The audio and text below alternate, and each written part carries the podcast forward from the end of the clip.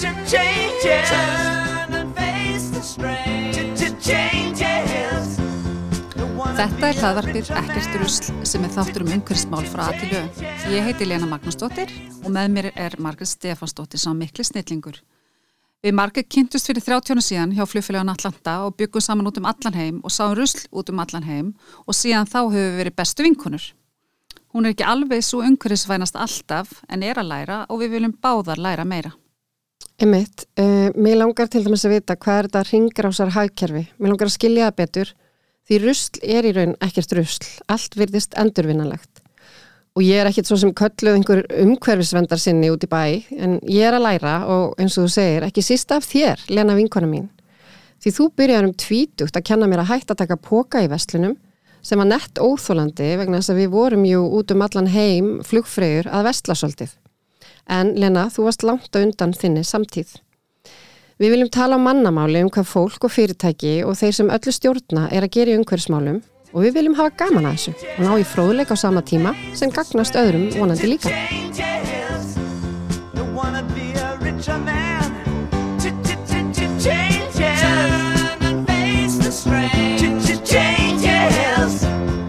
Gonna have to be a different man. Time may change me. Sæl og bless, Já, hei. gaman að sjá þig. Sumulegis, það er svolítið landsíðunum síðast. Aðeins, Þú ert alltaf keirandi eitthvað stannaflilega um á rámaspilniðinum. Heyrðu, En ég var að heyra svo frábært nýtt orð í hérna þættinum sem, núna, sem við erum að bóða hér í Já. dag. Glad orka. glad orka, Mér finnst svo flott orð og mér finnst þetta, þetta saði mér um leið um hvað hann var að tala. frábært. Þú kannski Hann útskýra Sigurður fyrir- Haldarsson, frangotstjóri Pure North Já, og Kristín Lefi Guðjónsdóttir, uh, þau eru er sem er hjá 66. 66 Norður og, og vann uh, um árabil hjá Adidas í Þýskalandi. já, það voru frábært, frábæri viðmælendur. Ég lærði Já, alveg já. heil, heil, heilan helling. Glad orka er náttúrulega bara svo orka sem glatast við eitthvað framlýsluferli Mm og það er alltaf verið að leita leiða til að nýta hana -hmm. þannig að hún verði ekki glatist ekki Einmitt. og nýtist í góðs í Glad ringarásarkerfinu sér Já, hvað og sjálfbærninni. Mér vera orðin bara svona gangandi alfræðarðabók um umhverfis Já, mér finnst þetta eiginlega bara, eins og ég hef sagt á þér, þetta er eitthvað skrítið. Mér ég einhvern veginn vera að missa tökin á þessu. fyrir maður að eitthvað aftur við En ég allan að fekk rafmaspílinn, Já, búin að eiga núna í mánuð og ég er búin að keira held ég, ég sagði nú líka frá því, nú er ég búin að keira sko 4-5.000 kilometra. Jesus Christ En þú veist, það er búið að vera svona ferðasumar og þetta er búið að vera alveg dásanlegt og ég er náttúrulega hérna... Rosa ferðasumar eitthvað, allir að kvart undan hvað veðri eru er að vera góð veðri alls staðar. útlanda. Já, maður náttúrulega getur alltaf fundið einhvern blett svona þú veist, til að það, það reyndar, ég las þar að það hefði verið frost í jörðu í nótt í gravarvogi er, það ekki þar rétt hjá mömmu og pappa? jú, jú, pjóma með pappa. Jú. En ég ætlaði líka að segja frá því að við hérna erum komin í samstarfið ON, þannig að nú erum við on it. Mm. Það ekki? Já, Og- ekkert núna, við erum búin að vera annett bara mjög lengi Já, við erum það náttúrulega og, hérna, og þeir eru náttúrulega að gera alveg ekstra góða hluti hérna á höfuborgarsvæðinu og bara ég ger ekkit annað en að hlaða hjá þeim og þegar maður er með sko hleðslu í bílnum frá þeim þá fæ ég líka sko 20% afslátt af hleðslunni heima. Þannig að nú er ég bæði komin heim og í sest bílnum þá er ég að hlaða frá on. Ok, þú ert náttúrulega bara að hérna spara endalust á þessari hérna ákverðin. þetta er geggjað, ég er að elska þetta. Það En hvað, ertu ekki að eyða bara í nammi á móti? Í nei. bílnum með alltaf salgjati og þegar maður kaupir sér salgjati í eitthvað svona vegasjöpu þú veist, eitt snakkbóki og, og ein kristall kostar þúsund kall Það sko. verður, þú veist, Heyrðu, ég verður samt að segja sögu, ég fór sérst brúköp króknum. Og hérna, og svo fór ég reyndar daginn eftir í, skýr, í skálhaldi uh, þannig ég kerði þar alveg óksla mikið. Þannig Mhm. þá, það helgi, en þegar ég kem norður og þá, sérst, uppgöt að ég, ég er ekki með svona undirfött til að vera í, við kjólinn Þetta sem var ég var í. kjóllin gegnsæri eða hvað? Já, eiginlega sko, eða svona sást aldrei í bröstinu og svona, Mm. þannig að ég ringi í frænkum mína og beða hana um að hvort hún eigi eitthvað svona Nú samtal. verður fyrirsögnin hérna Nei. hjá Smartlandi. Nei. Sást í brjóst, brjóstin á lenu. Í brúðköpunni. Nei, í brúðköpunni sko, í gegnum kjólin. það En, endaði þannig- þetta er bara innskot af því að tíma þetta vorum við þátt og það var Lena rétt myndist á bikini sem hún hérna passaði en þá ég hef fundið bara gömlu bikini og þá, þá kom það sem fyrirsögn þetta var og mín kona hún ekkert eitthvað brjáleðslega Nei, ána með það. þannig að við skulum reyna að halda þessu bara svolítið svona Þetta verður til bara í hliðar. Og Já. hérna ekki sem fyrirsögn. Allavega, þá er ég hérna í rosa vandröfum og Regina frænka mín er, er, hún þekki marga, þannig ég held hún getur nú redda mér hann einhverjum, einhverjum láns undikjól svona mm einu kvöldstund, það gekk ekki. Já, en þá kemur ljósa Birgitta dóttirinn er, er að þvælast á akkurir og gæti fara fyrir með að vesla já. Og ég hugsaði, þú veist, ok, ég náttúrulega hef ekki keft neitt nýtt árinu. Mm þannig að það varð úr að ég kefti þessa, þessa endaði að vera svona samfella og það er að fyrsta sem ég hef keft nýtt árinu. Þannig að þetta fór svona. Fór sem fór. En svo, svo bara held ég áfram með mitt átakskilur og það, það náttúrulega bara er eins og það er. En það finna var að þegar ég loksist lappaði svo inn í hérna, kirkjuna þegar ég var komin í samfellinu þá spratt hún að mér. Hvar? að, í náttúrulega hann að niðri Þetta spellum Hvað bara gerðirðu? pups og ég bara lappaði inn allsber inn í Þú, kirkjuna ert- þú ert nefnilega svo búkalöng. Þetta er svo rosalegt. Þetta svo er mjög búkalöng. gott atrið Er hvernig, varstu bara með hana þannig allt brúka við? Já, nei, Það sást allavega ekki brjóstina þér Nei, nei, einmitt, þannig að það var heppilegt. En hérna, en ég var nú spurða því að unnu vinkonu mín sem er búin að vera vinkonu mín síðan að ég var í, í hérna, bara, þú veist, gaggó, ég var, vorum í rétt og spurði mig í gær, fórum í golf saman og svo erum við eitthvað að taka dóti út af bílnum hennar mitt dót og Margrét, ert þú að kaupa ekkert nýtt 2022 svona mjög svona vantrúið og næstu því neyksluð og hlustar greinilega ekkert á þættina, ég komst að því. Ok. En allt í lagi, reyndar hefur hún þá verið búin að sjá þetta eitthvað staðar og hérna, og ég bara kaváði og sagði nei auðvitað er ég ekkert að kaupa ekkert nýtt. Come on, þú þekkir mér nú betur. En Já, þannig að hérna En þú ert nú fann að hugsa aðeins meira um þessi mál heldur en þú gerir aður Mm, já, já, svona eitthvað sko. Eitthvað. svona eitthvað. Já, já.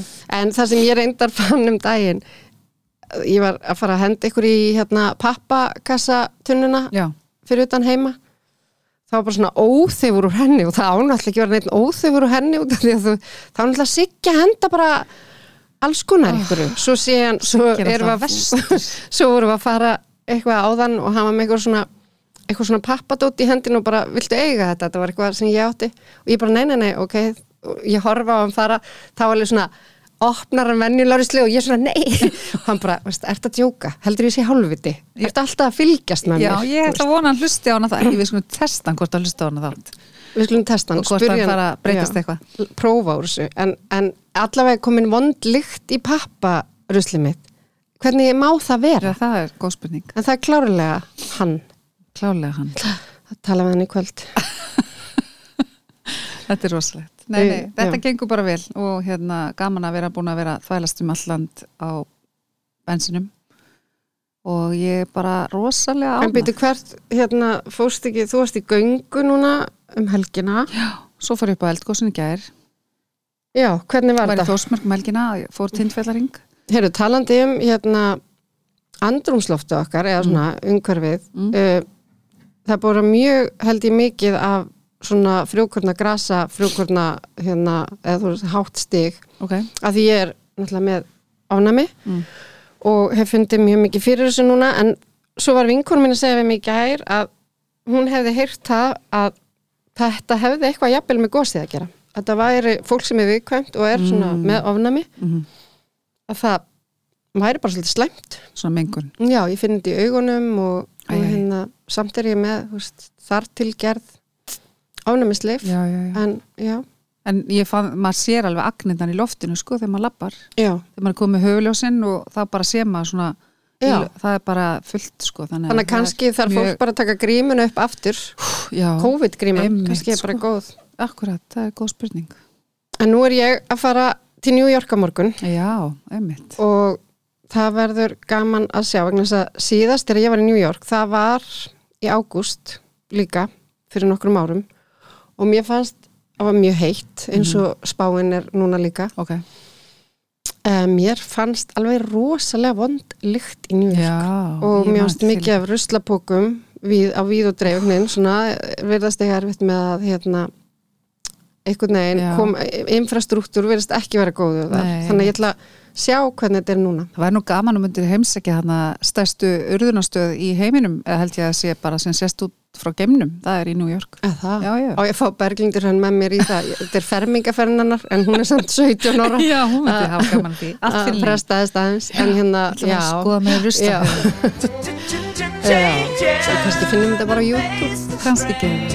Við erum með mjög svo áhugaverða samsetningu viðmælenda hjá okkur í dag en hinga til okkar í stúdióið eru komin Sigurður Haldursson sem er framkvæmdstjóri Pure North og stopnandi og Kristín Laufey Guðjónsdóttir, hún er í Business Development uh, hjá 66 gráði Norður og þar fellur sjálfbærni undir og hún uh, starfaði meðal annars uh, hjá hefustöðum Adidas í Þýskalandi uh, og var þar við stefnumótum. Mér langar eiginlega að byrja og spyrja þig út í það, mista áhugavert. Hvað varst að gera hann út í Þýskalandi, Kristín? Já, ég er semst að búin að vera á svolítið flakki síðustu 20 árin og búa alveg í Bandaríkjanum og Englandi og Vietnam í smá stund og svo var ég í Belgju í hérna MBA-námi og s- í MBA-náminu fór ég smá svona naflaskoðun og hérna var komið tvö börn þá. Og þá var svona spurning hvort að við fjölskyldan ætliðum að flytja heim eða gera eitthvað annað. Og þá var ég svona virkilega að hugsa hvað mér langaði til að gera. Og eitthvað það væri ykkur reynsla sem ég myndi kannski hugsalega ekki fá á Íslandi sem að ég geti fengið annars það frá. Og Adidas var svona eitt af þessum merkjum sem að einhvern veginn hafa bara verið svona í hjarta mínu hérna frá því ég var lítil í íþróttum og svona og þeir voru á rosalegri uppleið á þessum tíma. Komið nýja strategi þannig 2015 og náðu að snúa bara í rauninni fyrirtækinu við. Og ég einhvern veginn fór að skoða þá og var bara einhvern veginn ákveðin að ég ætla að fá vinnu þar. Sem ég á gerði og hérna endaði þess að flutti fjölskyldunum til Þýskalands. Maðurinn minn er hérna fættur í Þýskalandi og er að hluta til þjóðveri þannig að þetta passaði vel að krakkarnir myndi læra þýsku og svona hérna og það var bara skemmtilegt og hérna ég sérst fer í heitir Global Brand Strategy sem er í rauninni bara stefnumótun á heimsmæli, eh, fyrir fyrirtæki bara á heimsvísu og þar var ég að vinna bara við svona insights og vera að skoða samkeppnina og trend og svona við erum að fýta þetta svona inn í stjórnina og vinnum mjög náum með stjórn að þetta sem var mjög skemmtilega reynsla. Að þetta er rauninni bara það sem að þeir gera alltaf fimm ára fresti, svona strategy cycle og við vorum bara að vinna í því sem sagt. Og þetta var alveg frábær reynsla og alveg frábær vinnustæður og þetta var bara einu svona campus í hérna Suðu Þýskalandi í Herzogin árag þar sem Adidas hérna fættist. Þú veist að ég bara vissi ekki einu svona að þetta sværi þýst. Já, Nei, alvörinni. nei, ég vissi það ekki. En, Já, þetta er svona frábært. mjög þýst. Þetta er mjög fyndið, nefnilega lítill bær og Puma og Adidas sem sagt voru bræður.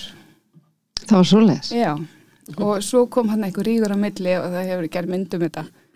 Og þeir farið sikkur áttina. Þannig í þessum bæ í dag eru rauninu bara höfustöðar Puma og Adidas. Er Þetta meina alvöru bræður? Já, Já, sem voru með Puma Adidas já. Ég vissi þetta ekki Vá, við þurfum að horfa á þessa heimildamind. Þetta er Já. ótrúlega spennandi. En þarna sérst kynnist þú uh, mikilli sjálfbarni. Þjóðverður eru náttúrulega framalega. rosalega framlega og hérna og bara í, mér sé leikskólanum að eru krakkandi farnir að flokka og við erum alltaf á hreinu. Og hérna og svo að já og þarna sagt, er Adidas í strategínu sinni er, þeir, er þetta bara svona top, priority sjálfbarni bara í öllu sem þið gera. Og, og þar komst ég fullt af skemmtilegum verkefnum. Bæði svona innovation verkefni þar sem að vera að hérna hanna nýja vörur bara sem að myndi virkilega bara breyta hérna industríinu Já, sem sagt út frá sjálfbarni. Út frá sjálfbarni, já. Ég til dæmis vann í mjög skemmtilegu verkefni sem var heit Loop. Þetta var svona fyrsti performance skórin, þetta var hlaupaskór, sem var svona fully recyclable. Já, gaman Já, þannig að getur ímyndað sko að flesti skór eru settið saman úr mismunandi efnum og þau eru límtið saman en þetta var semst ekki lím og allt úr einu efni, alveg Vá. wow. botnin all. Sem þýtti það að þú gast tekið skóin, sett hann, tætt hann upp og tekið hluta efninu og sett í blanda við virgin material en búið til nýjan skó. Þannig að þetta var orðin bara svona fjóra ringrás. Lúp. Og hérna, og já, og fylgta verkefnum fleiri og við varum að vinna mikið með startupum, að skáta startup Mm og hérna, og finna þeim heimili innan Adidas og það snýr líka ofta sjálfbarni. En þegar þú varst að vinna þetta, hafður þau þá á tilfinningur og fannst þér eins og þjóðverið væri mjög umhverfisvænir? Já, Er það bara, þú veist, líður manni þannig þegar maður kemur er að vera á skrifstofunni og er, í, þú veist, fyrirtækinu, það sé já bara, það er bara ekkert, ekkert plast og þeir taka sér bara mjög alvarlega Einmitt. og hérna, þetta er bara, ég myndi segja DNA þeirra, þeir byrja á sér lengu síðan. já. Ég er nefnilega að vera að segja hérna einhverju þetta því að ég er náttúrulega kynist tíski stúlku fyrir 30 árum síðan og hún sagði mér alltaf að taka ekkert plast utan um áherslu og græmið og ég kom með þetta heim fyrir 30 árum síðan og tó, var alltaf með fangi fullt af sítrónum og tómundum og allt þetta og allir voru bara, þú veist, hvað er þetta að gera? Skilur, setur þetta svona, verður þetta ekki skýt þinnkaupagreindinu og alls konar svona hlutir?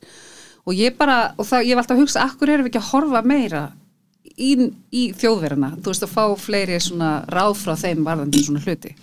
En það svo er svo gott bara að þú er komin heim Já. og komin í samstafi pjúr norð Já, Og það leiður okkur til þess sem við erum að hérna, tala um hér í dag. Og þá langar mig að, að, að tala við þig um það, Sigurður. Hvað hérna, af hverju 66 og af hverju, segðu okkur frá Pure North, hvað er þetta? Já, uh, Pure North var stopnað í kringum hugmynd sem að fættist árið 2016 sem að var að endurvinna plast á Íslandi. Ég hafði smá reynslu af endurvinnslu og var búin að vera með versmiði að endurvinna timpur, framleiði undirburð undir búfinnað þar sem hún að taka gömul vörubrett og þess að tæta niður og kurla og notuðum í það sagt jarvarma eða gufu í ferlið.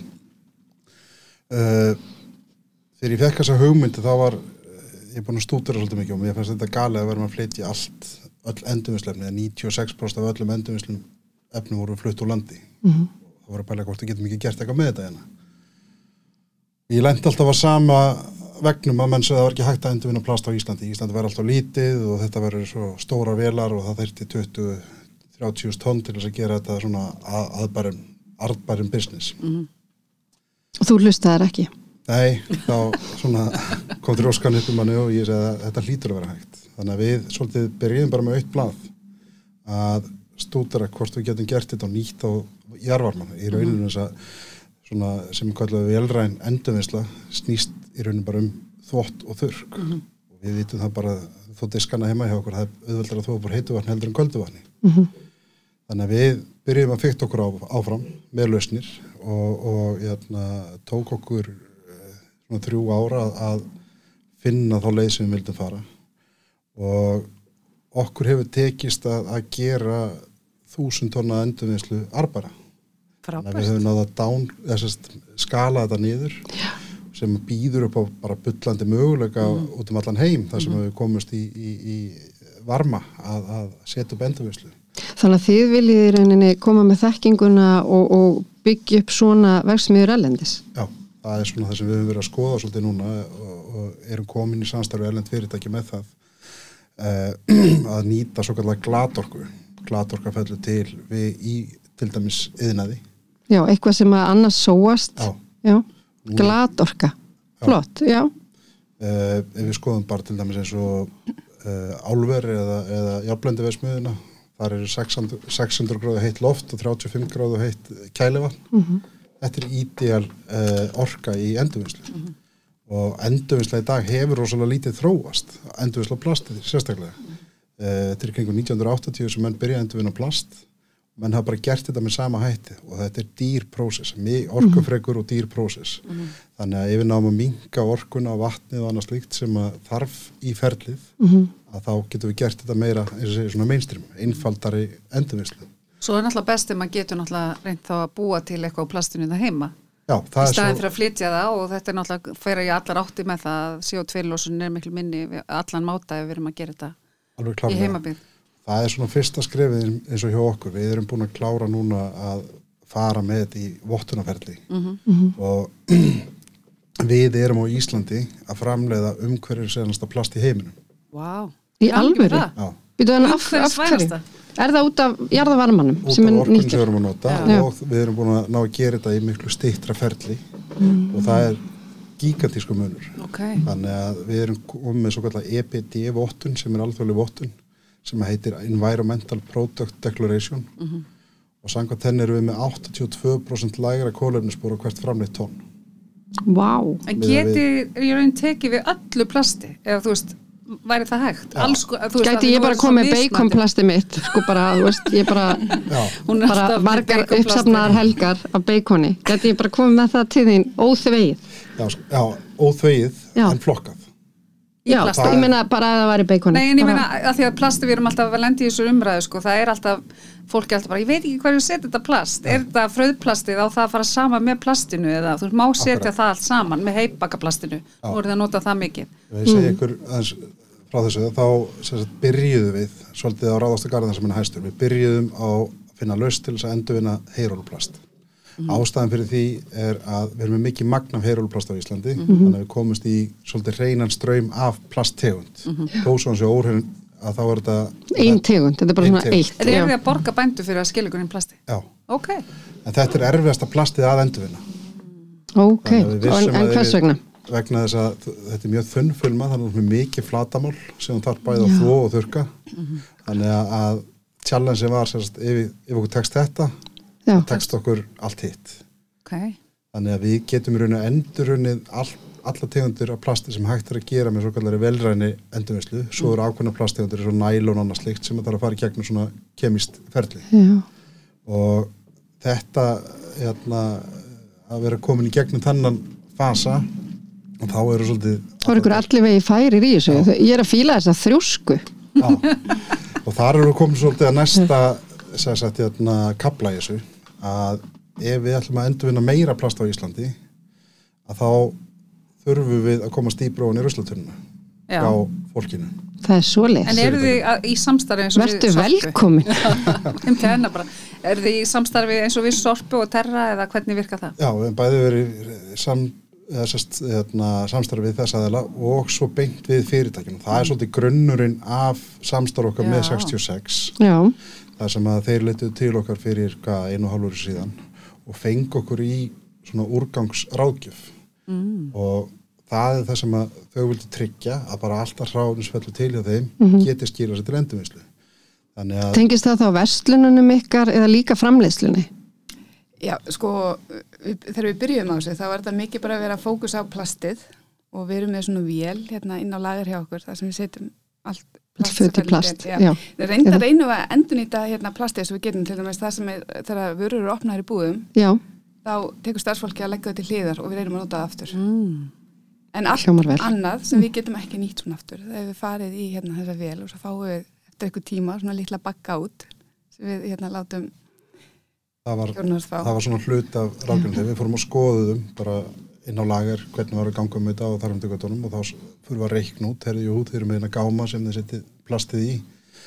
Þá fyrir við að reikna út nýtingun á gámunum og þá kemur í ljós að það er ekki nema kannski 10-15% nýting og það fyrir að flytja loft en þess að þetta er ekkit þjappað.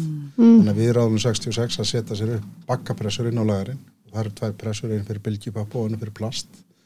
Þannig að þannig geta þau tryggt þetta beint í endurvinnslu til okkar búa rúmmálsminga þannig að það er ekki verið að flytja loft. Já, frábært. og, og, og fá þá umhverju sóttum frá okkur þessast fyrir það plass sem hefur farið þá til endurvinnslu til okkar og svo aðstöðu að koma þá bylgjupappanum í, í endurvinnslu farveg hjá aðeins sem eru með vottanir til þess. Einmitt, og varðandi eins og 66 ég, ég, ég er alltaf að reyna að tala fyrir því að fyrirtæki fara að leifa fólki að kaupa plastlaust meira heldur en, heldur en hérna þú veist að maður hafi val. Ef ég vil kaupa peysu get ég fengja hana plastlausa. Mm -hmm. akkurat. það þurfi ekki alltaf að vera allt í plasti. Ég meina, peysa mín þarf ekki að vera í plasti. Ég Nei, ég og þú vilt þá bara ekki, láta sko. plastið verða eftir í vestlun já, já, bara þetta sé plastlaust frá upphæð Þú væri til að fá bara peysuna sem allir voru að máta. Í- og hvað, fá afslátt? já, eins og, eins og ég gerði með bílinn. Já, akkurat. Já, En við, eins og staðan er í dag að það, þetta er bara svona challenge sem að við erum að reyna að leysa bara hjá, hjá mörgum framleiðendum. já, einmitt, plasti fer, þegar að vera að flytja á milli fer langt best með hérna vörur. vörurnar. Og eins og er þá plast er gott. Það Þú veist, við að ekki að gefa því þetta það ábúslega óorð en við þurfum bara Já. að passa að endurnýta það, Akkurat. er það ekki? Jú. plast er frábær vara og þú veist, við myndum ekki til að sjá bara í þessu stúdíunni hjá okkur, það er allt úr plasti. Við ætlum að reyka heilbriðiskerfið án plast, það var ekki hægt. Nei, nei, þannig að vandamáli er að við höfum notað það óábyrgt. Mhm. þannig að við verðum að nota plast með mun meiri ábyrgt heldur við höfum gert. Og yðnarum svolítið að taka við sér þarna. Mhm. Hún er, þú veist, við erum búin að vera á svolítið fyllir ég með þetta, við erum Já, með já. skýrdósir og 50 tegundum af plasti og þarfumtegundum sem er hérna, og plastgeðatan í öllum skýrtónsum já, og þetta eru fimm mismundi tegundur af plasti. Alla frábærar í endurvinnslu en í sikkur lagi. Já, get ekki fara saman. Þannig að það er pínu vesen hjá ykkur að þetta skul ekki vera meira svona samræmt. Já, og það er það sem við erum að vinna í núna að efla flokkunna og gera þetta meira samrænt. -hmm. Það er líka annar punktur sem við erum aðeins að fara inn á að, að sko það er ekki nóg að endurvinna plast, það heldur þú voru að nota endurvinna plast. Það er aðeins sem við erum að skoða líka, getum við sett vörunum 66 í endurvinna plastbóka sem eru endurvinna plasti. sem koma kannski frá þeim Já, sem já. kannski frá þeim, þannig að það setja að nýta það aftur. Þannig að þetta er hann ringrás. En eh, hafið þið, gerið þið það? Er það komið svo langt, það ferli, að því séu farin að nota ykkar eigið plast í aftur eða eftir endurvinnslu hjá hérna Pure North? Nei, ekki eins og er, en við erum reyndar að skoða núna svona hvort það séu aðri möguleika, getum við til dæmis bara að nota það plastið í herðatrei fyrir búðunar eða Mhm. snaga eða þú veist, eitthvað sem að við getum nota bara innan fyrirtækisins, en hérna Krónan er einmitt sta- samstarfið eh, eitthvað fyrirtæki og þeir sem setja ha, Plastplan? Já, plastplan, þeir eru búið til körfur úr netaplasti, eða sérst netum já, við Og höfum verið samstarfið þá líka einmitt.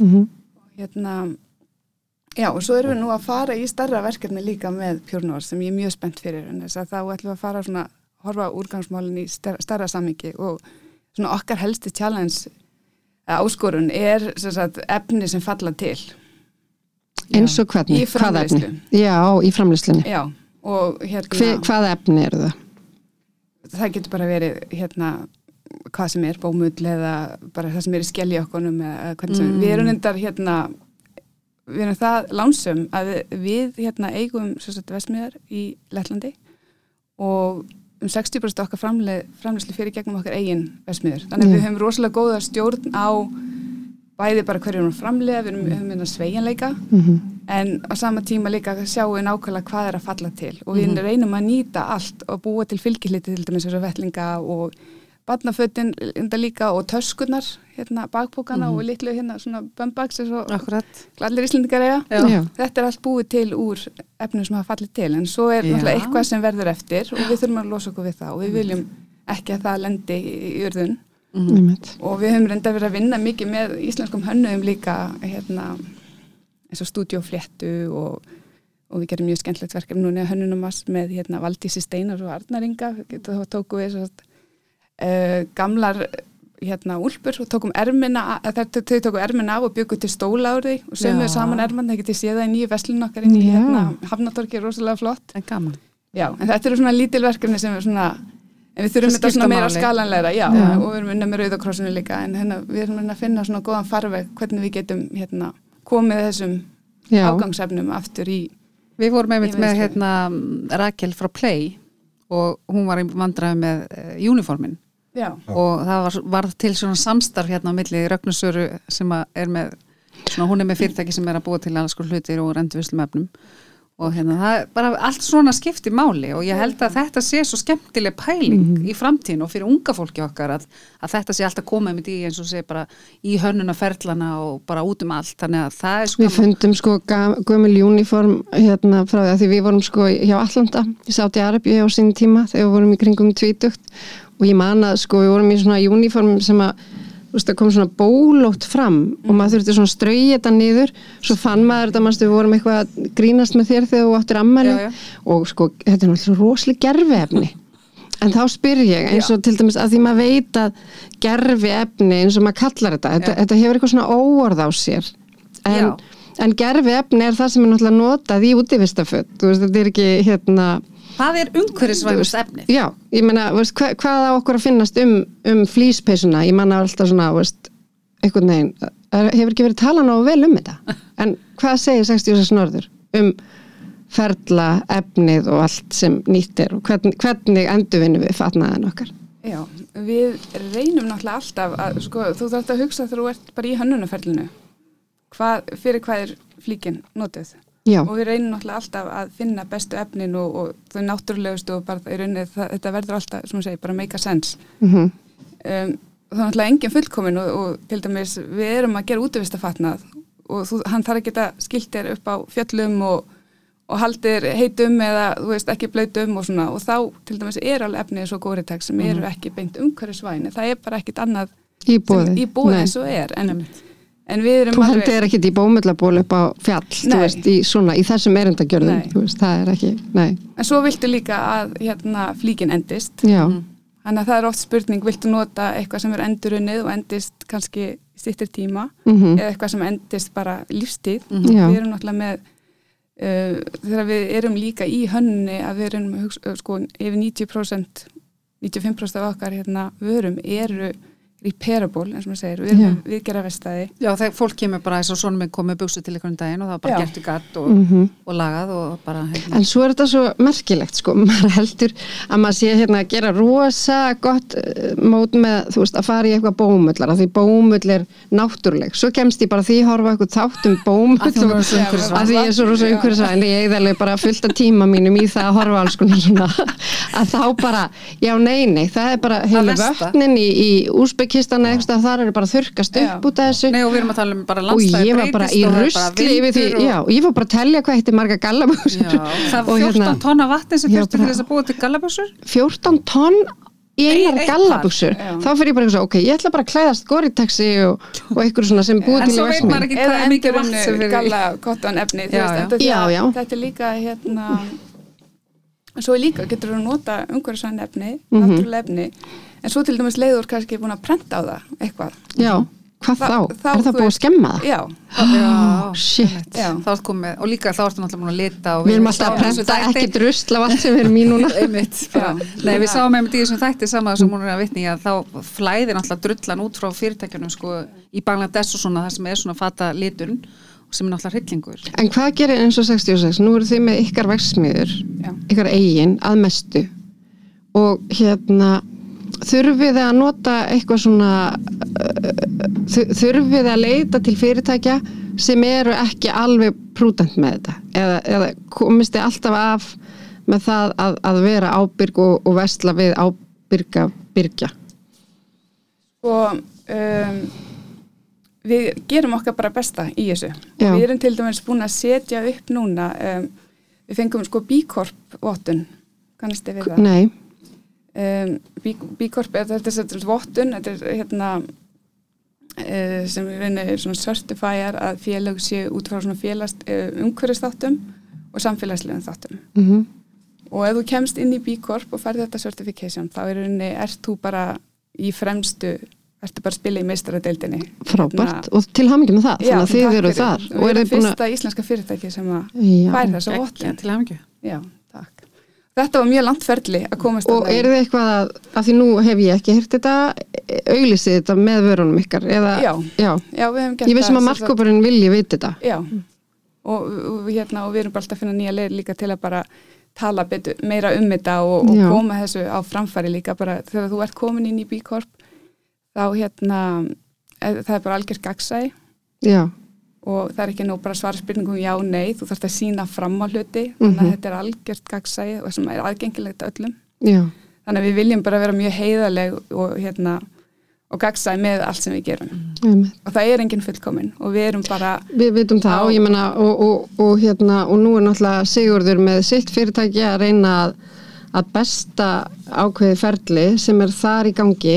En nú erst að tala um að þú vildi komast ofan í ruslið hjá okkur hérna, til dæmis okkur lenu. Heimilist en hvernig, hva, hvað, hver er leiðin ykkar í því? Uh, sko það þarf náttúrulega bara að hugsa þetta kerfi alveg upp á nýtt og, og koma með nýjar lausnir. Og það er það sem við höfum svolítið verið að gera núna. Bæði, sem sagt, við vorum að skrifa núna til samninga við, við tvö sveitafélög um að setja upp svona yfirbyðar flokkunastöðar og það er að breyta þess að það er að koma nýr lög núna um næstu áramót. Það sem á að fara í, í fjagra tunnu kerfi við hvert einasta heimili. Nú, sem okkur finnst galið. Að fara að keira með 20 tónn og trökka um öll uh, íbúðakverfi og þú ætti að vera með fjóra tunnu sem flokkar heimaður mm. en þess að flokkunni gengur hvað sem er ekkert nú á langt fjóru flokkar ger ekki nú Ok, Já, þannig, þannig- þannig, þetta er planið og eru þið fengnir til einhverja ráðgjafar um þetta? Ég meina þér finnst þetta galið, er, er hlustað á það? ja, við, það þýr ekki að býða eftir kerfinu við erum bara búin að búa til okkar eigin lausnir og erum búin að fá núna tvö sveitafjölög um borð og það eru nokkuð fyrirtæki sem að er að skoða söm, sömu lausnir Mhm. þess að við erum að tala um sko, þeir sem eru búin að ná lengst í þessu heimsins eru Japanir mm. þar er allt flokkað og þú sérð ekki eina rauslatunnu í uh, almenningsgörðum eða á almenningsgötum þeir taka allt með sér heim Mhm. og flokka heima. Þeir eru undar með mikið refsikjari þar eru sko 30 flokkar sem þú ætti að flokka í. Já, en þá, ha? Wha? og þá ferðu bara inn á svona sem sagt miðlaga stöðvar Já, með með allt þitt, dótið þitt, með já. dótið þitt og skilar þar flokkar eftir Þeir eru svo agaðir. En það er svo samt, þú rosalega maður hlusta hugsa um eins og örkja, fólk sem er ekki með bíl eða þú veist, fólk sem að kemst ekki út úr húsi almennilega, hvað, hvað gerir það í svona? Ég meina, ég bý í blokk. Já, við erum búin að hugsa fyrir þessu. Við sérst erum búin að, erum að, hérna, búin að vera með í þróunu sem sagðan, tæknilausnir. Við erum búin að hanna núna sérst, app, þar sem að þú getur skoða streikamerki á öllum vörum, Mhm. skanna streikamerkið og appi segir hvort það var hans endurvinnaleg eða ekki Ah, og hvernig þú átt að flokka hana. Geggjað. Þannig að ef þú skannar skýrdósina þá segir, heyrðu þú ert að setja lokið hérna, skeiðina hérna, dósina hérna. Já, Og er þetta komið í notkun? Nei, við erum að setja þetta í gang núna í, í september. Frábært Og komið nafn á þetta? Uh, já, þetta er einnig bara Pure North appið, þannig að þetta er í svona beta-testi hjá okkur núna. Já, ok. En þetta er svona ein af þessum leiðum sem að við erum að kynna núna nýjar. Þannig að við erum að setja upp þessar uh, yfirbyrðu flokkunastöðar. Mm. Við hugsaum þetta svolítið bara svo öfuga uh, búðaferð. Þú fær út í búð, tekur fullt af vörum, skannar þær og borgar og fer með þær heim. Þú ert búin að nota umbúðunar. Þá getur henni settar aftur í, út í, í póka, komið í stöðuna og kert með þetta inn í körfu og hugmyndin hjá okkur er sagt uh, að fara aðra leið núna eru menn að reyna inn, koma inn með kerfi sem heitir pay as you throw að þú borgar þú hendir við Já. ætlum að borga þér þú hendir. þú hendir En þá koma með það flokka þú kemur það til okkar Já. inn á stöðuna Já. viktað, þú fær greitt einmitt svo ferð þú með kerfinu og skilur tilbaka í innköpahilluna eins og eftir okkar Mm. leiðbynningu þannig að þetta er aðeins lengri prósess og við erum að býða fólkum að taka þátt í þessu með okkur Mhm. en við ætlum að Er þið með það. tilhörnarhóp í, í þessu eða er það ekki komið svo langt? Nei, við, þessast, við erum uh, búin að gera saman Lena ætlaði að bjóða sér fram. Er mjög þetta, þetta sko. verður bara frjálst, þetta er bara opið þetta Já. er ný Já. löst fyrir íbúa á þessum svæðum Já, Já. þannig að þeir geta sagt, við viljum ekki fjórar tunnur, við viljum kannski bara eina tunnu Mhm. Já. uh, fyrir lífrænt. En þá kom mitt að þessu til að skila til okkar. Þannig að þá lækka sorpriðgjöldin við erum byggðið einmitt. minni þjónustu. Skila þessu til okkar og hugmyndin þá að hafa þetta nála til þessi sama ferðin þegar þú ferð út í búða vesla þá getur bara skilað umbúðunum tilbaka. Færð peningin fyrir það. Mhm. og þá eru við konum með reyna ströyma af og öll flokkun snýstu það. Þetta snýst um að búi til verðmæti úr úrgangströmmum Mhm. En við þurfum ekki að þvó plastið okkar þá. Nei, við erum þar óskum eftir þessu með skýrdósur og annað slíkt Skólir. að það sé skólað en það er ekki að vera full tvegi eða neitt slíkt Og ekki skóla, sko að því að þú ætlar að vera þetta allt og þurrka þetta og kannski fólk er, þú veist, 5-6 í heimili. Veist, það var bara allt eldúsið undirlagt í þessu drasli. Þú veist, alltaf eitthvað að þurrka. Já, Ég nefnilega, þegar ég fór þarna á heimsótti sorpu, þá voru, er, er þið með svona vel, það sem hún setur sko, pókarnir koma náttúrulega óflokka er mjög margir og þá er þið með vel í dag sem að er að flokka og ég velti ka- kannski stundu fyrir mig að því að það er svo mikið verið að setja alltaf á einstaklingan hvað þeir eru að gera.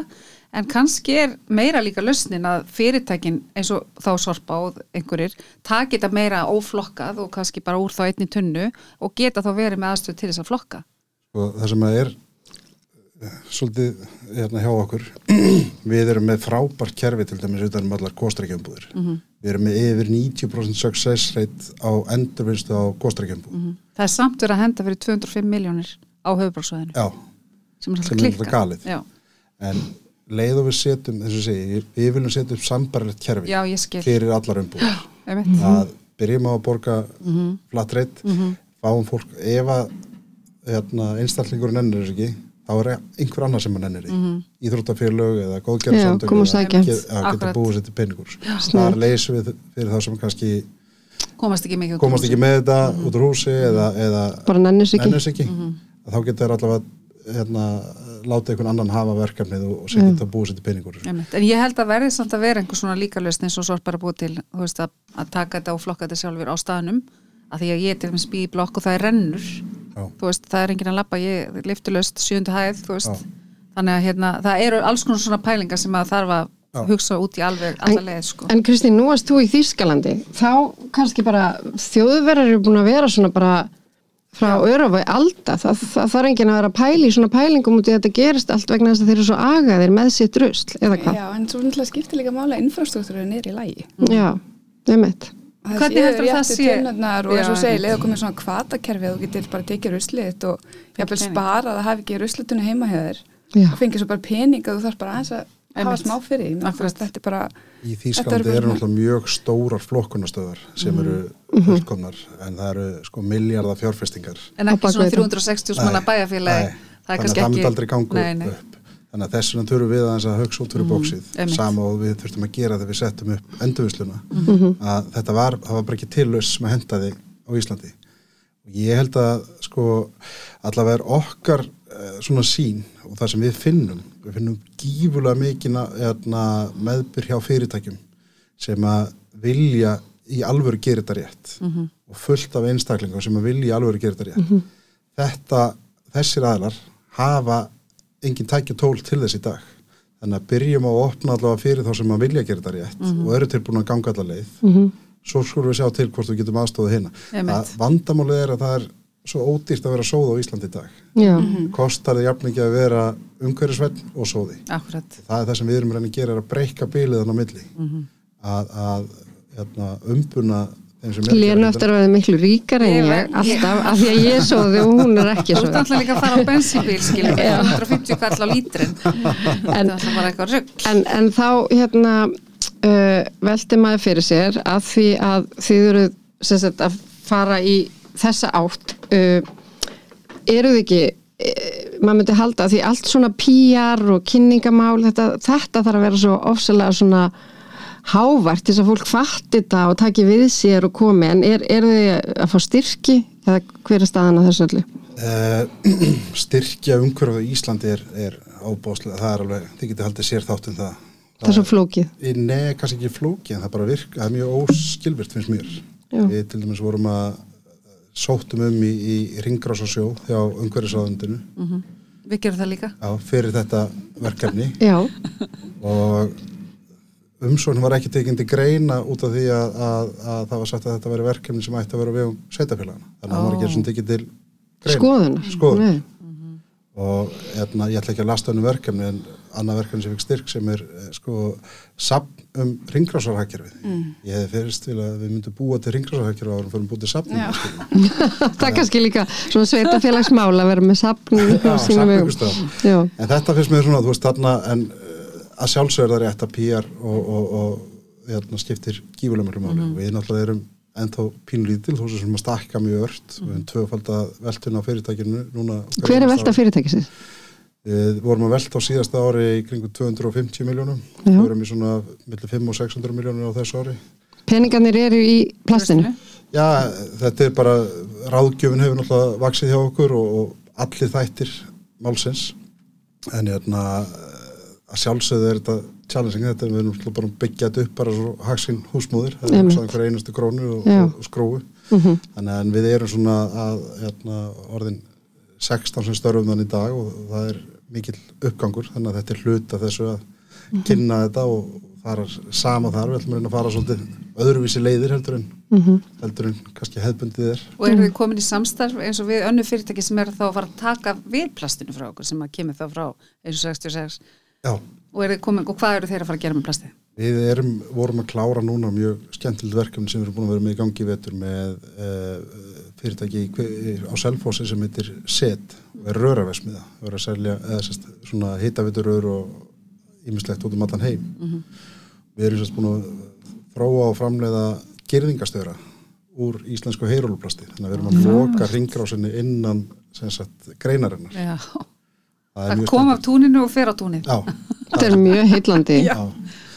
og þetta er svona fyrsta verkefni sem að er svona í einhverju stærðagráðu sem að við erum að losa. Við náttúrulega erum búin að vinna mikið með strákunum líka í plastplan, þannig að við erum að endurvinna plasti sem þeir eru svo að nota í, í, í verkefni hjá sér Já, og þetta sem við erum svolítið að fókusera á núna að reyna að koma að þessu plasti í umferð hér á landi. Já, einmitt Og við erum búin að starfa með eh, mjög öflugu bresku fyrirtæki og þeir eru svo imponeruð af þessum umhverfis áhrifin sem við erum að ná í okkar framlöslu að þau eru komið til landsinn næstu viku og eru jafnvel að skoða að setja upp versmiðu hér á landi bara til þess að geta tekið þátt í þessu sko, þessari vegferð. Já, og nota sérst jarðvarman hér. Já, orkuna hér til þess að framleiða endavöru. Við erum alltaf með bestu raforkuna. Já, og þetta er bara að fara að skipta svo miklu máli í öllu sem við erum að gera. Já. og nú er 66, eru þið ekki að opna vestlun í London? Jú, og þar hljóta allir ferlar að vera í alveg toppstandi. Voru þið ekki, eru þið ekki að gefa jú varandi það? Við erum að, eru að fara að taka út eftir því. Já, hérna, Það er svona hluta af einmitt þessari svona ráðgjöld sem við erum að veita. Þannig að eins og segi, það er óbúslega gaman að vinna með 66 norður það er, það. Já, er hvergi gefin einn afsláttur. Kekja. og, og þannig verður að setja upp nýja búð og það að fara alla leið. Og Mm. þar er meðalans þarf að skoða hvert er ruslið að fara sem að fellur til þar. Mhm. getum við tryggt það í endurvinnslu og þar fram til göttunum þannig að við erum að fara í það verkefni núna. Já. Fyrst ég er einmitt með því hérna Kristín þá langaðum við að spyrja því við heyrum svo ofta flýspeysu séu alltaf búinu til úr plastflöskum. Er það í raun þannig? Það er eitthvað hlut, ég verð bara að segja ég er ekki alveg vissum það var alltaf, að mýta að það væri alltaf nýtt efni úr hérna, plastflöskum. Já, væri nýtt það í líka. Maður væri sérst í Það bara plasti þegar maður væri í flýspeysu mm, það er rétt og það er rétt, rétt. en mér finnst þið mitt svolítið spennandi að pæla í þessum fatabransa. Uh, nú er hann alltaf sagður hérna alveg óbúslega svona uh, mikill svona sóða valdandi hérna yðnaður í heiminum. En hvernig finnst þér að lifa og hrærast í þessu? Hvernig svona stendur 66 gráður norður samanborið við önnur útivistamerki sem eru uh, þekkt? Og ég menna nú er 66 gráður norður orðið ansi þekkt merki á heimsvísu að minnstu kosti í svona einu vestræna heimi. Já, verður alltaf þekktar og þekktara. Mhm. en hérna Jú, ég myndi bara að segja að við stöndum okkur bara mjög framalega, við erum mjög framalega í þessu. Og bara það eins og ég segi með, bíkorp að þannig að við séum þar inni. Já. bara við stimpill hvar við stöndum í þessu. En ef þú horfir kannski bara hvernig merki var til, það var til fyrir 100 árum síðan, veistu, 1926 Já, og það er, við erum eiginlega bara til út af við urðum að vera til. Og þetta þetta er bara, það er bara svona lífsnauðsleg þörf fyrir hérna vinnufatna fyrir sjómann ég með Þetta er flott saga, þetta er svo sterk saga að byggja Já, og við höfum bara svona eh, sem sagt, uh, þróast með þjóðinni. Mm. í gegnum árin. Fyrir utan kraftgalana, þeir eru alltaf eins. Já. Enda frábæri Já, og mikið af þeim stílum sem að við erum sagt, við förum nokkur með að setna að hérna, gera fatna fyrir hérna, björgunarsveitirnar og verðum svo bara skjólflíkur fyrir Ísland, Íslendinga. Bara að lifa íslenska veturinn af. Akkurat. og hérna Ég var og- einmitt í þessu já. gangað auðlýsing fyrir ykkur gær. Ég fór á eldgósinu nema Lena er náttúrulega bara alltaf inn í bíl þannig að akkur þarf svona hlýjan fatna á meðan ég er, þú veist, ég bara keiri ofsast upp á bensínbílum og svo er ég bara úti. Bara Ég var bring alltaf it. En hérna, já, svo við segjum líka þetta er bara mjög svona hæg tíska, svona slow fashion. Já, Já. og mikið af stílunum sem við erum með í dag, þetta eru bara margar ára stílar, þú veist, Já. innvinsalast úlpan okkar dingja, þetta er eitthvað sem var hann að, þú veist, 90 og eitthvað. Og, og margir fleiri stílar, þannig og þetta eru svo sagt, henda bara öllum kynum mikið af okkar stílum, þetta er bara tímalösa flíkur, endast vel. Já, og hérna sjáum bara eins og á hérna Facebook eru bara margir tíu þúsunda í hérna grúpu bara að selja það, já. það, það, það er hérna Nota endast alveg- 66 Já, og líka bara þessi eldgamlu stílar sko eru að ríkalega seljast fyndið. jafnvel á herra verði sko, þetta er orðið svona retro. Fyrir dótti mín var alltaf búin að selja úlpu sem ég átti. Já, sem ég kefti fyrir, þú veist, 15 árum eitthvað. Hún hjekk svona, hún svona eitthvað sem ég greipi Já. svo alltaf bara, veitu hvað er úlpan mín? Já. nei þá náttúrulega var hún búin að sjá þú veist að þetta væri bara alveg hægt að selja á Fullt af peningum. uppspringtu verði eða bara á því verði sem að markaðurinn lifir. sýnir hvað, hérna, algjörlega, þetta eru klassískar og, og góða vörur. Þannig, að, hérna, og bara í þessu ringrása ferli þú veist alveg frá því að vara er hönnuð hvað hún er framleitt Mm. hérna, hvernig við dreifum henni búðirnar og bara líka meðan að hérna, notandinn á vöruna einmitt. Hvað gerum við þá, við getum gert við hana og við viljum educata, ken, kenna og hvernig að fara vel með flíkina. Og svo þanga til að hann vill ekki eiga hana lengur hugsanlega, að geta tekið við henni aftur og við finnum henni réttan farveg. Já. og er ekki atriði með útivistaföt er það ekki rétt munað hjá mér? Maður á bara þau sem minnst. Jú, bara, þú veist, ekki að fá bara eitthvað stóran Já, ég er að segja, þú veist, að því þau, þú, veist, þú ert alltaf, þú ert alltaf að rýra svona, hérna, Gæðin, já, gæðin já. í, í vörninni, ef þú ert alltaf að þú þetta. Ég er svo ógisla samanlegar fyrir utan allt vatnið og Og þvóttefnið þvóttefnið og ógeðið, já.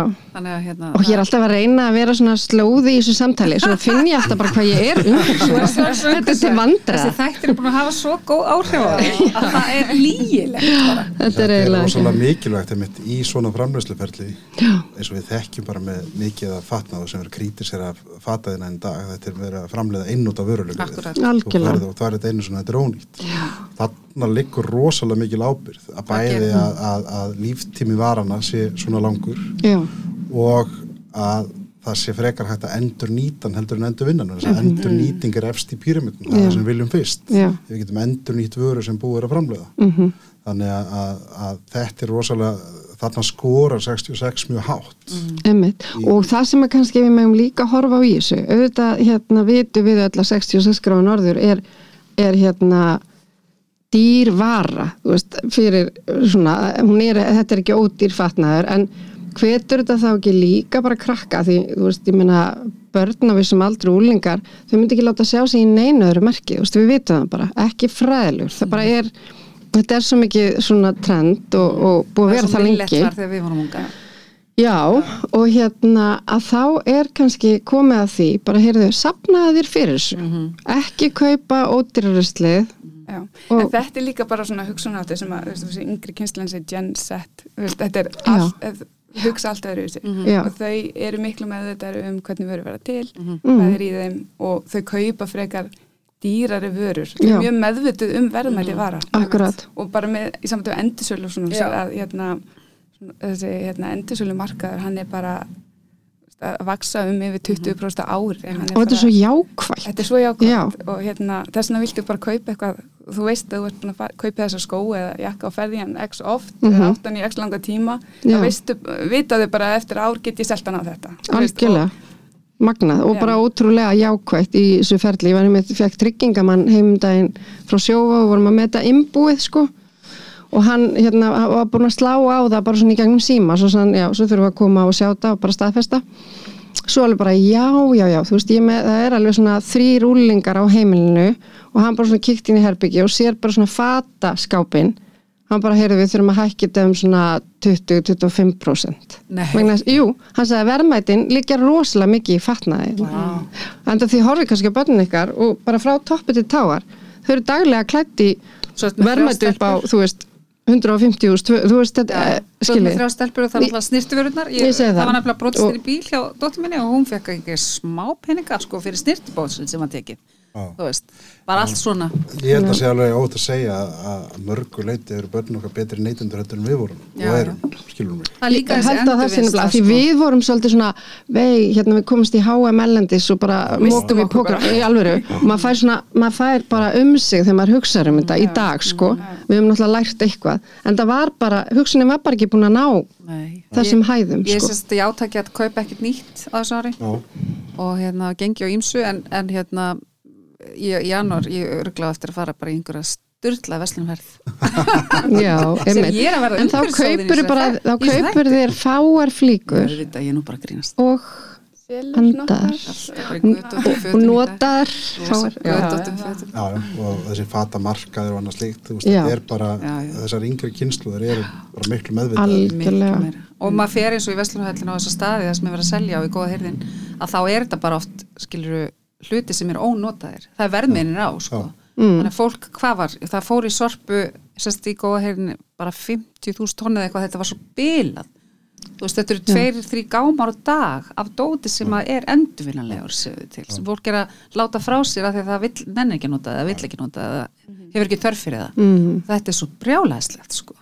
Þannig að það er svo mikið til og við verðum þá að nýta það frekar heldur en að vera alltaf að kaupa eitthvað nýtt ja, það er Algjörlega. En er 66 norður eins og bara svona stefnan í því að um, hanna og framleiða vörur? Uh, af því nú hefur maður heyrt þegar við horfum á annan þátt góða um, um fataðina en að það er alltaf verið að koma nýtt collection og það er svo mikið pressa að koma nýtt collection. Og maður veit alveg hversu svona uh, æst svona viss, viss aldur er ég að fá alltaf nýjasta. Hvernig svona er ykkar hugsun í þessu Já, þess að segja, þetta er mjög svona hægtísku, hérna, við erum ekki fashion brand, skiljum og þetta eru uh, við erum ekki að leggja upp í þú eigin hlaupajakka, hérna, hjólajakka og þú veist, þetta eru multipurpose já, Mm, akkurat og við leggjum mikið upp á því í, í hönnunni. Mm Mhm. það er bara þess að þetta endist og þetta sé multipurpose og þetta sé svona genderless og hérna Ég, þegar ég fyrir að hugsa þetta betur þá er þið eiginlega svona pínu trendsetterar hvað þetta varðar, að því ég man bara ég er náttúrulega á 25 ára gamla stúlku og hún átti svona einhverja rosar úlpu sem maður þurfti bara að taka sér handlegin til þess að borga fyrir. Já. en svo seldi hún hann aftur sko fekk fullt af pening og gætt settið henni aðra úlpu og þú veist, þetta byrjar bara með 66 þegar ég fyrir að hugsa þetta líka bara, bara sem móðir eða hvort að kaupa barnið þitt og þá veistu kannski að næsta barn getur líka fengið Akkurat. úlpuna og svo lætur Nákvæmlega. kemur gatan og lætur gera við hana þannig að þetta er, þetta er ekkert þetta sem er að þess að, þú veist, þegar, þegar maður kaupir eins og 66, að þá er einhvern veginn, mann líður ekki illa með það því maður veit að þetta eftir að fara á marga krakka. Það er og skiljið þetta er ekkert að detta úr tísku á morgun Nei, nei, þetta nei. verður bara meira Og litlu smart. barnafötin ykkar sem er náttúrulega bara dásamleg. Þannig að það er náttúrulega bara rosa hérna, gaman að fylgjast með þessu. Já. En gerir þið eitthvað svona sérstaklega, ef, að- Sigurður, eitthvað svona heimahöður sem að er umhverfisvænt, Já, það er náttúrulega, flokkar? já, það er flokkað alveg í, í drasli sem maður segir. sko. Frumeindir bara. Já, frumyndir. Og, og náttúrulega ég er með þrjáuling á heimilinu og, og allir mjög meðvitaðir um áhrif þess og, og, og, og svona hvað við erum að gera með Já. þessu. Og ég get alveg tengt við þetta mitt með hérna, þessi vörumerki og, og svona líftíma varana skilur mig. Þau hugsa ofbúslega vel um fötur sín og, og, og einmitt á þessu markaði að kaupa og selja og treyta og þess að það sko. Þannig að mér finnst þetta mjög svona skemmtileg þróun. og þetta er svo sjálfbært Já, hjá þeim, já. Já. og þau eru bara, finnst mér, í svo mörgu langt á undan okkur í hugsun.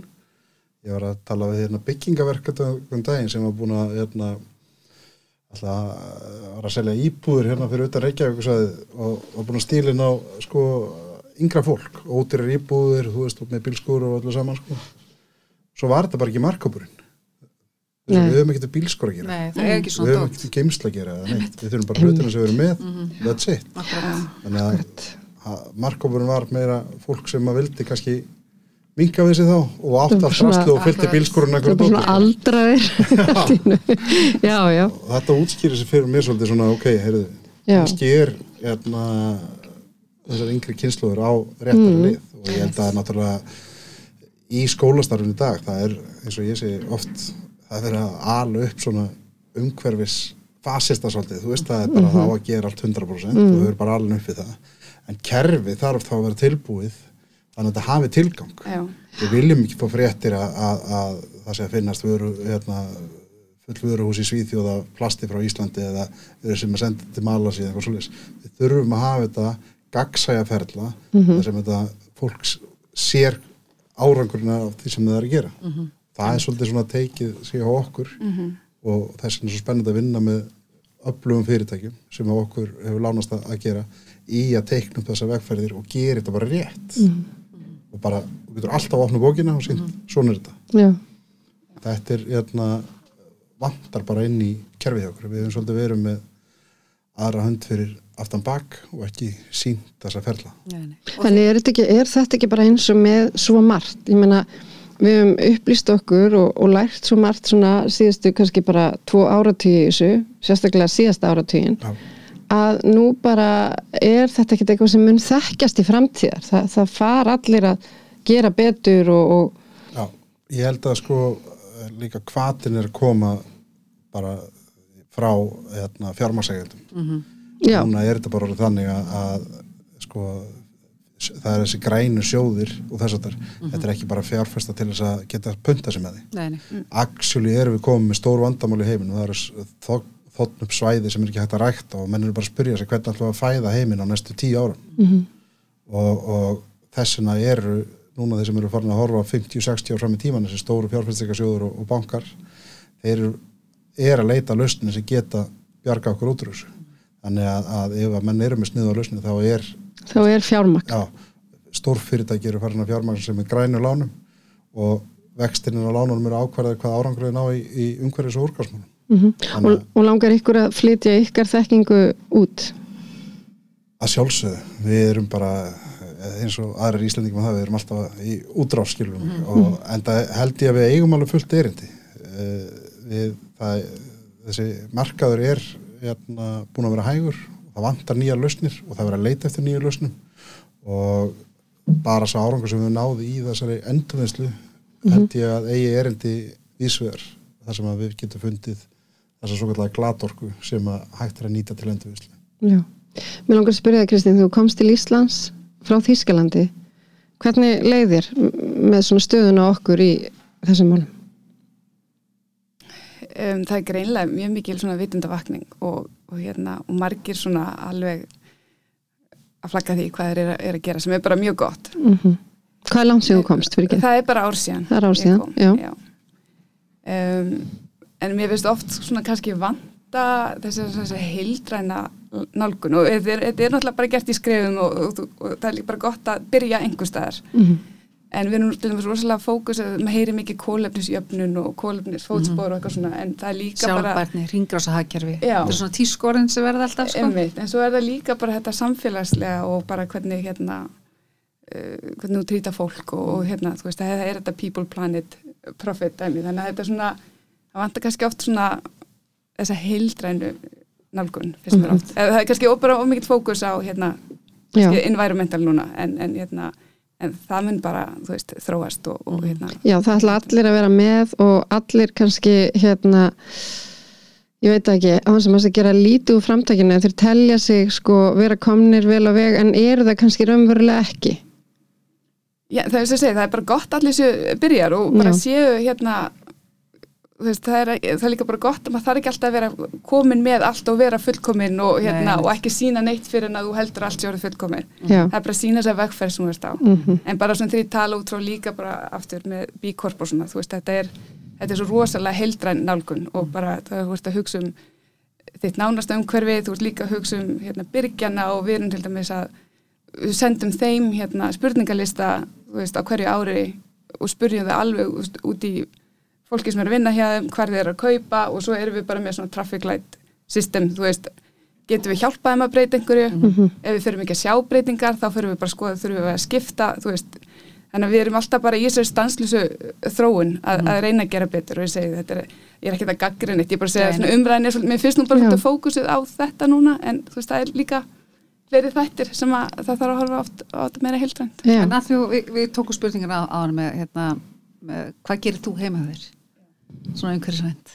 Já, ég er bara svolítið hérna, ég sama, þú veist, ég er meðvitað um hvað ég er að kaupa. Já, og hérna hvaðan það kemur og, og hvað er í þessu og svona og, og svo bara svona þetta basic að flokka en ég er ekkert svona eitthvað svona ekstrím Nei, hérna, einmitt.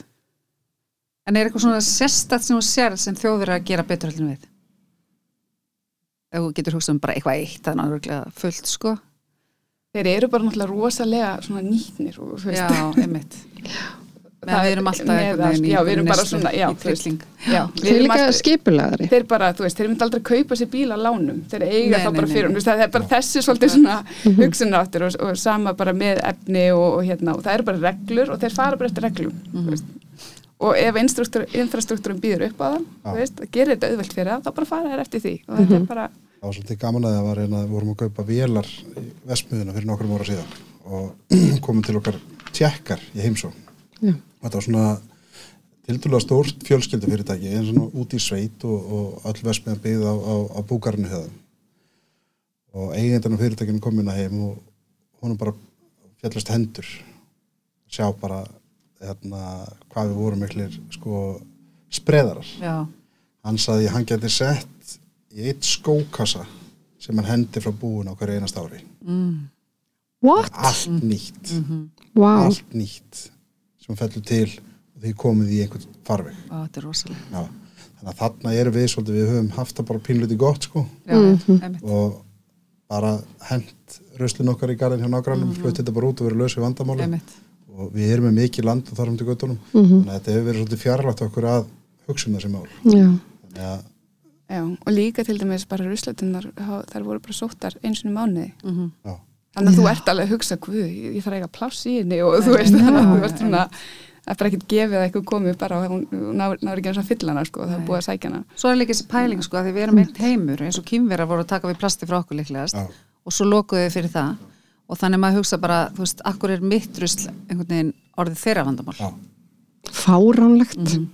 það er það sem er það sorglega eins og þessu plasti og það sem er sé margar heimildamindir það sem menn hafa verið með þetta græntósi og segja við erum búin að endur vinna allt saman. Já, já. og svo er þetta að finnast á okkur sko, mjög, mjög dabra aðstæður. Mm -hmm. með þess að Interpol er búið að rannsaka þetta mjög mikið svona glæpastar sem í kringum endurvisla plasti og komum sér í, í ólulegar endurvislur og annað slíkt.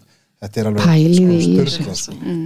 algjörlega störtlað og það er það sem að við náttúrulega eigum bara að setja okkur. Við erum pínulítil hérna, þjóð. Við erum bara lítið bæjarfélag. Og við eigum bara að byrja ábyrða sig sjálf. sjálfsög og bara, Okkar eigin rusli. já, En líka þá þetta bara, þegar maður er að kaupa og eins og við vorum hérna með Kristínu Helgu síðast hjá okkur Rítumund og Fjallageit og Náttúrubann og hún er myndið að segja, ég bara hún ætlaði að fara að henda fullt af fötum á hérna, ég bara, bara fara með það í rauðkrossin eða svo leys, svo allt í hennu bara býti hvað er ég að pæla? Hún fór með þetta allt í saumakonu og létt laga. Hún sá sérstaklega að ódýra úlpu hræjódýra sem að hún sagði, mér varst ég bara mestu ábyrð á henni. Já, að því þú veist, þetta er ekkert kannski alveg í lagi hvernig við erum búin að vera að hafa okkur. Alls ekki. Nei, nei, nei og en batnandi mönnum er best að lifa Já, já. Og, og þetta er bara veruleiki sem við erum aðeins að feysa í dag að, að, að hérna, við erum, erum mikil neyslu þjóð Mhm. en við erum sko við viljum vera væn og græn og við, okkar ímynd, við erum að selja hana. Og við höfum svo mikið efni á því sko raunverulega, svona heilt yfir og eigum að geta gert betur. En við erum að hrinja niður alla meðaldarslisti við erum búin að falla um 14 svo að það gefin út svona úrgangsvísitala mm. og þessi dyríkjana við erum búin að fjalla, falla um 14 sæti og við erum komin í, í held ég 30. sæti af 35 eða 60 Býtu ákvæðlengum tíma er þetta? Á tveimur árum. Og veistu hver, hvað útskýra það? Það er bara, við erum sem sagt, urðum mjög hátt hlutfall. Já, við erum með mjög látt endurvislu hlutfall og mikið magn. Við náttúrulega erum með Já. mikið túrisma þannig að það er mikið voljum per einstakling að sjálfsögðu. En, en eh, við verðum bara að gera það okkur í brók og, og, og breyta þessu. Algjörlega. Ef ekki að hafa þetta loka orðin A- frábær lokaord og virkilega gaman að fá okkur og áhugavert. Maður er alltaf að læra eitthvað. Takk fyrir að koma. Takk fyrir bóðið